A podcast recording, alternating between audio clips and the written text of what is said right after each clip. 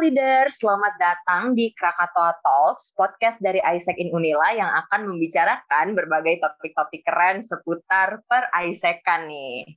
Oke, okay, so mungkin sebelum kita masuk lebih lanjut tentang pembahasan kita di episode 3 ini, gue bakal memperkenalkan diri dulu nih. So, halo semuanya, balik lagi bersama gue Dela Hardiana, dan di episode 3 ini gue nggak sendirian, Gue juga bareng partner MC kondang gue, ada Raisa di sini. Halo Raisa.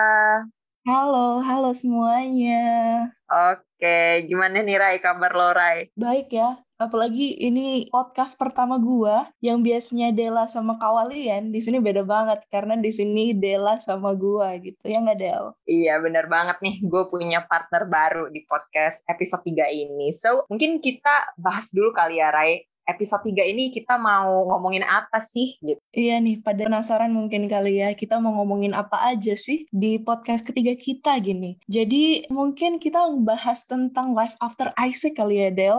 Apa tuh tuh, Del? Life After Isaac maksudnya? Waduh, ini sebenarnya salah satu episode yang gue tunggu-tunggu sih Life After Isaac karena kita juga selain ngebahas nih kehidupan setelah per Isaacan ini nanti kira-kira gimana dan pasti udah keraba bahwasannya gestar kita ini merupakan seseorang yang keren gitu kan Rai? Betul banget, kayak kangen banget gitu kan ketemu kakak-kakak Isaac sebelumnya. Nah iya bener banget tuh berhubung udah dibahas sama Raisa, mungkin langsung aja kali ya kita kenalan gestar kita di episode 3 ini merupakan alumni dari Isaac in Unila. So, halo Kak Alma.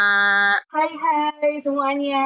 Halo halo halo ada Dela dan Raisa. Hai. Halo Kak Alma. Alma gimana Kak kabarnya? Baik, baik. Kalian gimana? Alhamdulillah aku baik sih. Rai gimana Rai? Baik banget gitu, karena kan ketemu alumni kita gitu ya Del, terus bisa dengerin ceritanya langsung dengan kealmanya gitu. Iya nih, Jadi bener banget.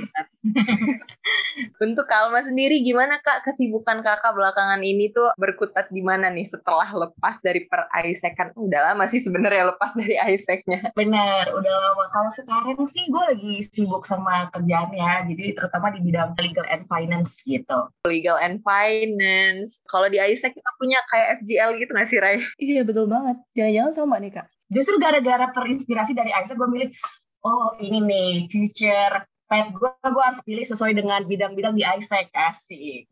Asik. Bercanda ya Oke, mungkin sebelum kita masuk ke situ, gue penasaran banget nih, karena sejujurnya gue baru pertama kali nih ngobrol sama Kak Alma gitu kan, kita beda termnya kayak lumayan jauh gitu gapnya. So, kalau Kak Alma dulu, journey di Isaac-nya gimana Kak? Kayak pertama masuk itu role-nya apa gitu, terus dapatnya functional mana aja Kak? Oke, pertama-pertama masuk banget nih ya, pertama masuk banget itu gue di staff IGX salesnya gitu terus dipindahin beberapa bulan atau beberapa minggu gitu dipindahin ke staff IR di OGV terus naik ke manajer OGV terus naik lagi ke PT OGT sekarang kalian udah nggak ada kan OGT Iya udah nggak ada Ya ampun, apalagi gue ya, gue baru masuk 2020. Gue cuma tahu ada IGV sama OGV, Kak. Oke. Okay. Terus terus Kak, kalau misalnya kita kan term sekarang itu OGT nggak ada gitu ya, Kak. Terus kalau yang dulu itu OGT itu gimana tuh, Kak? Oke, okay, jadi OGT itu orang-orang tuh pada kiranya kayak ngirim TKI, bukan guys. Jadi kita tuh ngirim orang-orang ataupun mahasiswa di khususnya di Lampung buat gain professional experience di luar negeri gitu. Kayak bersifat magang gitu loh, kayak magang internasional di luar negeri, gitu sih intinya. Wah, ternyata asik banget gitu ya kak. Mungkin ke depannya kita harapin Isaac Unila ada lagi gitu kan, apalagi kita yang semester sekarang kayaknya pengen butuh banget gitu magang gitu. Bener, bener. Wah iya, cukup clear berarti teman-teman yang selama ini mungkin uh, baru dengar-dengar sekilas aja tentang OJT, jadi itu uh, bukan ngirim TKI keluar ya teman-teman. jadi itu opportunity untuk kita para mahasiswa untuk melakukan magang di luar negeri kurang lebih seperti itu ya Kalma. Benar benar dan itu juga ada beberapa opportunity yang kita kayak kerja gitu kita kerja di sana. Mungkin sebutannya masih magang ya tapi kita kerja di sana terus tapi kita tetap dikasih gaji juga.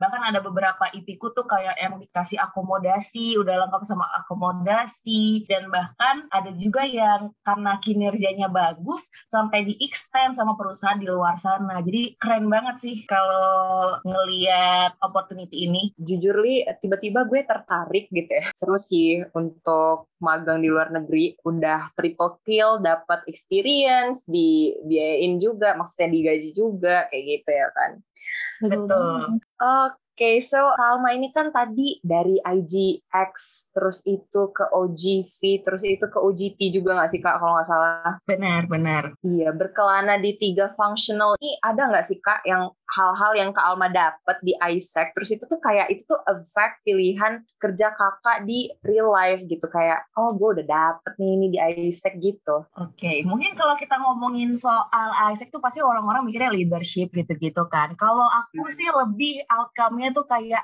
pengembangan skill di diri. Contohnya nih dengan OGV, OGV ya dulu kan di OGV sering ngobrol sama IP, sering selling itu ngebuat aku akhirnya jadi belajar cara komunikasi dengan orang tuh yang baik gimana. Dari situ efek sama kerjaanku sekarang kita kan sering komunikasi nih antara direktorat jadi kita tuh bisa tahu nih cara ngomong yang tepat seperti apa. Nah terus juga kerjaannya sih jadi kan waktu awal-awal kan aku kan mahasiswa kupu-kupu ya yang kuliah pulang kuliah kuliah pulang. Terus pas di Isaac tuh kayak kuliah pulang tapi pas pulangnya masih ngerjain kerjaan Isaac kan. Jadi kayak kebuat jadi orang yang mungkin kalau kata orang-orang sekarang jadi agile gitu dengan kerjaan yang mungkin cukup banyak dengan waktu yang kita harus bagi sama kuliah juga. Itu membuat kita bisa memanage waktu kita jadi lebih baik. Yang paling efek di aku juga bahasa Inggris kan. Aku kan dulu nggak terlalu pinter bahasa Inggris. Nah join Isaac deh. Sering-sering ngobrol dengan IP sering sering ngobrol dengan member Isaac juga dalam bahasa Inggris itu kan ngebuat aku juga jadi sering praktis nih. Jadinya bahasa Inggris aku yang tadi jelek banget udah mulai membaik gitu lah intinya. Itu sih output yang benar-benar aku rasain di diriku untuk ke depannya gitu. Ih, banyak banget ya outputnya Rai. Kayak dari sekian banyak output yang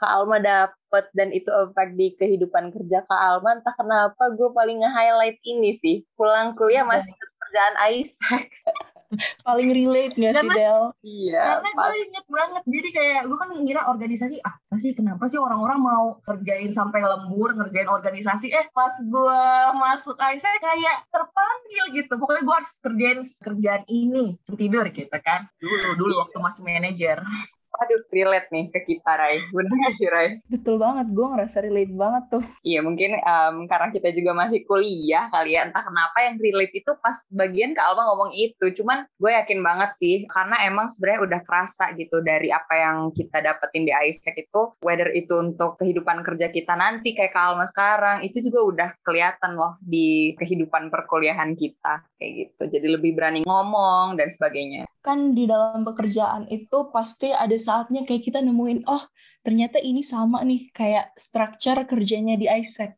Itu kira-kira apa tuh Kak di dalam pekerjaan Kakak yang sekarang? Oke, oke. Sebenarnya aku divisi aku yang sekarang sama ISEC tuh beda banget sih kayak dari lingkupnya terus skopnya juga beda banget sama yang aku pegang dulu karena kalau misalnya di ISEC tuh kan kita mahasiswa mahasiswi punya apa namanya punya ide langsung implementasi. Punya apa pun kita langsung langsung excuse ya. Execute maksudnya excuse me. Terus terus kalau misalnya di lingkungan kerja ya kita harus apa namanya nggak bisa semau kita. Kita harus membatasi diri juga kan. Pokoknya menurut aku di divisi aku yang sekarang sama yang di ISA itu beda banget sih strukturnya baik dari segi kerjaan maupun uh, lingkungannya gitu-gitu. Oke, okay. kalau tadi ngomongin ternyata sistemnya berbeda, tapi kalau misalnya ngomongin behave ataupun essay culture gitu kak, yang kebawa dari diri kakak sampai pekerjaan itu ada nggak sih kak? Ada sih, jadi kayak kita nih sering inisiatif. Nah, kalau Aisyah kan sering inisiatif, memberikan ide-ide baru, nah itu juga kebawa sama aku di kerjaan. Gitu sih. Oke, Oke, mungkin tadi kita udah ngebahas nih ya teman-teman behave atau ISEC culture yang kebawa sampai ke dunia kerjanya Kak Alma. Mungkin selanjutnya gue penasaran nih kayak pas di dalam pekerjaan Kak Alma ini pernah nggak sih Kak kayak kangen ISEC gitu, kayak mikir ih ini sama loh kayak di ISEC gitu lingkupnya sama terus tuh kayak oh I miss Isaac so bad parah banget sih kalau ditanya kangen gue tiap hari kalau makan atau apa pun tuh kepikirannya Isaac gitu sih. Waduh. Waduh. kadang kadang tuh um, apa namanya kan gue gue bilang ya kalau misalnya tuh sebelum join Isaac tuh gue friendless banget jadi kayak misalnya satu circle tuh bisa cuma satu orang doang temen gue karena sedikit banget emang temen gue kan. Terus gue join Isaac tuh jadi banyak temen banyak temen ngobrol juga. Nah itu sih yang dikangenin terutama kan ibi gue kan kocak-kocak ya. Kalian gak kenal sih namanya ada note tapi kan eh, gimana ya dia tuh ya? Ada note ada ada Farel, ada Syawal, ada Dewi, ada Omni, ada Mirza, ada Ulin, semuanya deh pokoknya kocak banget. Jadi kalau ketemu mereka tuh kayak ketawa-ketawa gitu sih bikin kangen bahkan kayak kadang kan sampai sekarang kan sering bikin video call gitu kan. Nah, jadi tambah kangen gitu sih. Wah, tapi keren banget sih Kak. Berarti Kak Alma ini kayak bener-bener masih engage gitu sama teman-teman Kak iya. Alma di term Kak Alma. Gue juga kangen sih kayak dulu kan gue kan nggak boleh keluar ya tapi kalau misalnya sejak ada Isaac tuh gue jadi sering keluar sering meeting weekly meeting kan. Yang uh. yang kadang yang kadang di McD ngumpulin struk orang terus baru beli kentang. Kan ada nggak sih dulu yang McD di McD kan ada struk ya kita ngumpulin struk kita masukin ke aplikasi baru nanti kita dapat kentang gitu. Gue relate banget sih kak yang jarang keluar tapi karena Isaac kan kita jadi sering keluar gitu. Eh, tapi uh, ngomong-ngomong, gue tidak menyangka loh bahwa itu tuh culture sejak lama ya, ngumpulin struk-struk belanjaan di McD itu. Iya bener. Iya, terus apa namanya monthly meetingnya di kita sebutin nggak nih Alfamart. oh, oh, relate banget sama ngomong-ngomong kak itu culture masih turun temurun sampai sekarang gitu kak. Iya. Eh, itu bukan uh, bukan office ya itu kayak tempat engage kita aja tempat berkumpul gitu guys. Dan believe it or not baru minggu kemarin kita ke oh. Alfamart itu. Satu LC buat LC oh ya aja. Oh aja. Iya iya iya. Itu sih kalau kata orang-orang kayak ngelihat dari orang luar ya ngeliat Aisyah itu kayak wah wah banget ya. Tapi kita tetap down to earth. Wah iya dong harus itu down to earth. Tapi bisa jadi uh, kurang ada duit juga sih kita. Ngumpulin struk ngumpulin struk meeting di Alfamart ya semuanya bisa kita lakukan. Apa yang tidak bisa di sini ya kan? Iya, dengan dana yang seminimalis mungkin kita menghasilkan profit semaksimal mungkin gitu kan. Waduh, ilmu ekonomi nih. oh iya, Kalma, eh, ngomong-ngomong dulu Kalma kuliah jurusan apa, Kak? Aku jurusannya sama seperti kebanyakan anak Isaac sekarang, hukum. Oh, Kalma dari hukum? Iya, Dela dari mana? Aku Raisa hukum juga kan? Oh, FEB.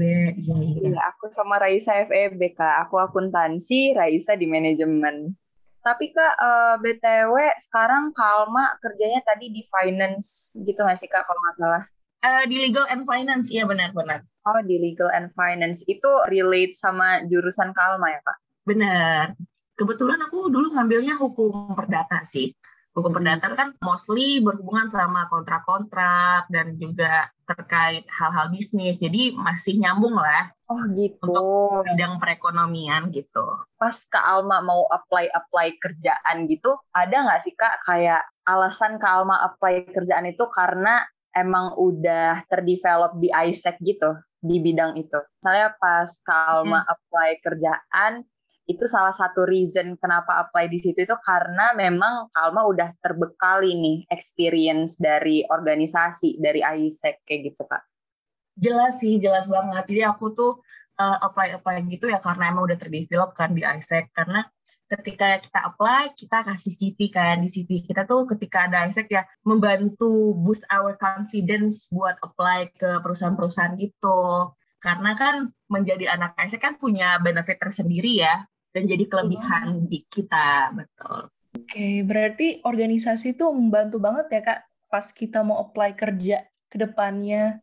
Benar, benar. Selain ngomongin experience, networking itu juga berpengaruh banget di mana ketika kita join suatu organisasi dan orang-orangnya positif, mendukung kita, itu kan bisa jadi network kita juga ya buat ke depannya. Jadi penting banget sih salah satunya itu.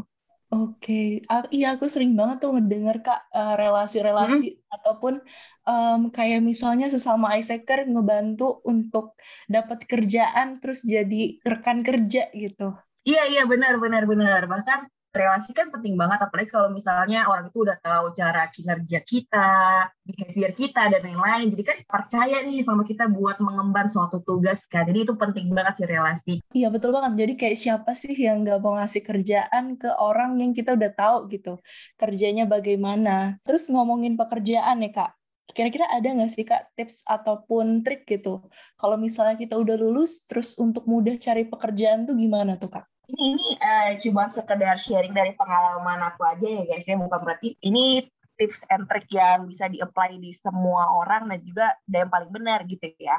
Kalau aku sih kayak join Isaac ini udah salah satu yang ngebantu banget sih buat aku cari kerjaan. Karena orang-orang bahkan di tempat aku tuh udah tahu gitu waktu aku di interview, oh dari Isaac ya, oh dia udah tahu nih Isaac. Jadi kayak dengan branding Isaac tuh bisa ngebantu kita buat apply kerjaan, terus juga ikut-ikut opportunity. Dan ikut opportunity pun dengan kita ngelampirin bahwa kita dulunya pernah di organisasi Isaac itu ngebantu banget sih. Tapi tapi yang paling penting sih kan dari Isaac kan kita jadi sering ngobrol sama orang ya, selling, kita sering ketemu sama orang-orang yang berbeda karakter dan juga orang-orang yang berbeda tiap harinya. Nah, ketika kita di interview kita jadi tahu nih cara ngobrol yang baik, menyampaikan suatu hal yang baik itu bagaimana karena pengalaman-pengalaman di Isaac itu gitu jadinya. Oke, berarti dari experience nggak sih Kak? Semakin banyak experience, semakin kita mudah untuk ngeget apa yang kita mau ke depannya. Apalagi kan kalau khususnya untuk anak selling nih ya, yang katanya omongannya manis banget, kayak pacar gitu kan. Padahal enggak, kita kan uh, belajar ngomong juga kan dari ketemu orang-orang yang berbeda tiap harinya. Jadi kan kita tahu gimana yang baik cara mengajak dia untuk join GV gitu gimana kan dari selling itu tadi juga kita bisa nambah balik lagi itu nggak sih kak ke networking kita benar benar benar networking kita kita jadi ada teman jadi nanti kalau bisa kita butuh apa apa kita bisa bisa lah dikit dikit ngobrol ke dia. iya benar. Both dari uh, member sesama Isaac maupun orang-orang yang kita temui di luar itu menjadi networking kita. Waduh ini double kill sih uh, merupakan salah satu plus kita jadi uh, orang-orang selling di Isaac ya. benar benar. Oh iya kak ngomongin partner nih kak. Ada nggak sih kak cerita lucu tentang partner kita ataupun teman kita dulu gitu? Boleh banget kak untuk sharing ngomongin soal yang lucu banyak banyak sih banyak banget. Gue kayak udah beberapa kali lah gue nangis gara-gara di Isaac ini. Yang awal-awal tuh apa namanya gue disuruh selling. Awal-awal kan jangan Isaac kita kan pemalu ya Wak ya.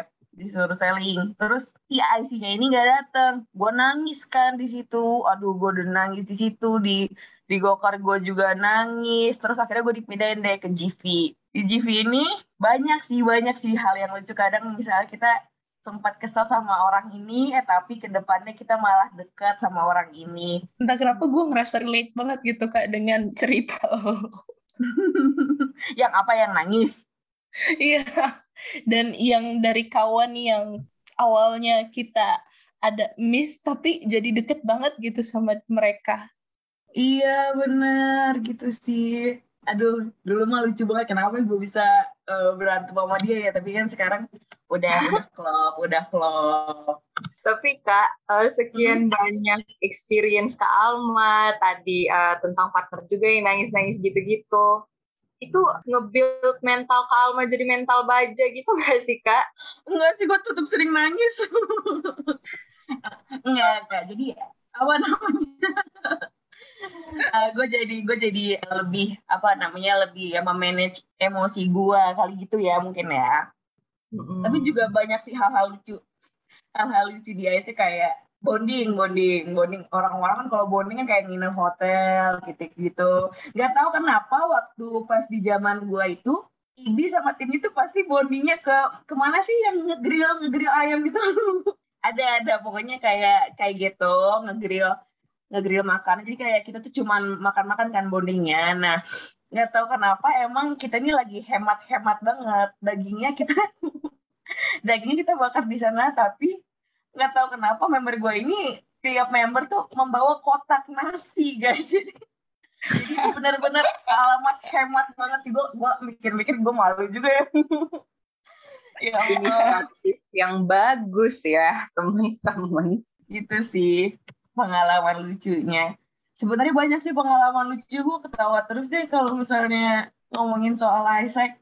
Iya banyak banget tuh. Aduh Kak Alma ini soalnya dari jurninya aja udah berkelana di tiga functional. Banyak banget pengalaman Kak Alma seputar pekerjaan Isaac kita kita. Jadi Kalma ada nggak sih Kak kayak pesan buat member-member baru kita? Karena kita sejujurly baru nerima news atau talent di bulan September kemarin. Kayak gitu Kak. Wah, saran ya. Kalau aku sih sarannya mungkin jangan pernah takut sih. Kayak misalnya nih, lo udah insecure duluan sebelum apply opportunity ini, nyobain opportunity ini itu. Kan sebenarnya di ISEC kan banyak banget ya opportunity-nya. Jangan sampai lo mikir ah gua gua mah apa?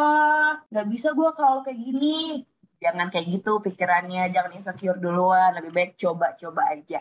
Karena kalau misalnya kita nggak nyoba udah pasti gagal. Kalau kita nyoba kan masih ada kesempatan buat masuk kan? Gitu sih. Jangan jangan insecure duluan deh guys. Gitu itu sebenarnya merupakan salah satu hal yang terjadi saat gue nyuis dulu sih kak. Kayak beberapa kali kayak gue pusing kayak pening. Cuman balik lagi sebenarnya yang emang bikin gue kayak oke okay, ayo coba lanjut terus itu adalah gue mikir kayak development yang gue dapet selama gue di Isaac itu bakal guna banget di life after Isaac gue kayak ke Alma gini. Jadi malu. Coba-coba aja deh misalnya ada opportunity, opportunity ke sini coba aja jangan jangan takut dulu. Kayak ih gue nggak bisa loh gue nggak bisa loh. Jangan kayak gitu dulu. Kayak aku nih emang ada penyesalan sih. Di sebelum masuk tuh aku kayak nggak nyobain GV sekarang corona guys. Jadi menyesal. Terus ada opportunity lain yang gak aku ikutin selama di ISEC juga bikin aku kayak ih misalnya ternyata seru banget nih opportunity gitu. Iya banyak banget sih sebenarnya opportunity opportunity yang kelewatan dari masa-masa corona ini gitu. Jadi kalau misalnya kita tidak mau memaksimalkan apa yang bisa kita lakukan selama pandemi ini berlangsung pas kita di ISEC kan itu rugi banget gak sih kak? Bener bener bener. Hmm, buat nyuis nyuis kalau ngomongin tentang Isaac, terus juga kenangan Isaac, terus life after Isaac, mungkin kayak nggak ada habisnya nggak sih Kak? Soalnya banyak banget kenangan di dalam sana yang kayaknya nge-build kita, terus juga ngebantu kita juga, dan lain-lain, ya nggak Del? Iya, bener banget itu. Tujuh kita wrap up aja kali ya percakapan kita tentang life after Isaac bersama dengan Kak Alma ini. Adakah closing statement kata-kata mutiara untuk kita semua Kak agar kita semangat menjalani kehidupan Isaac kan dan mungkin perkuliahan? Apa ya? Kalau di kantor gue tuh apa-apa semuanya ditutup dengan pantun. Oh gitu? Iya. Boleh Jadi banget gue mau memberikan kalian pantun aja. Waduh, gimana ya? Hmm, jalan-jalan beli duren. Cakep. Aisyah keren. Wah. Waduh. Aduh, sedikit mengejutkan ujungnya. Aisyah keren. Oke, mungkin cukup sekian dulu episode ketiga dari podcast Krakatau Talk Isaac in Nila pada hari ini. Aku Del Hardiana dan juga rekan aku beserta guest star kita, yaitu Kak Alma, undur diri dari podcast ini. Dan jangan lupa nantikan episode keempat dari podcast Krakatau Talks Isaac in Unila ini. Bye-bye guys. Bye-bye, makasih semuanya.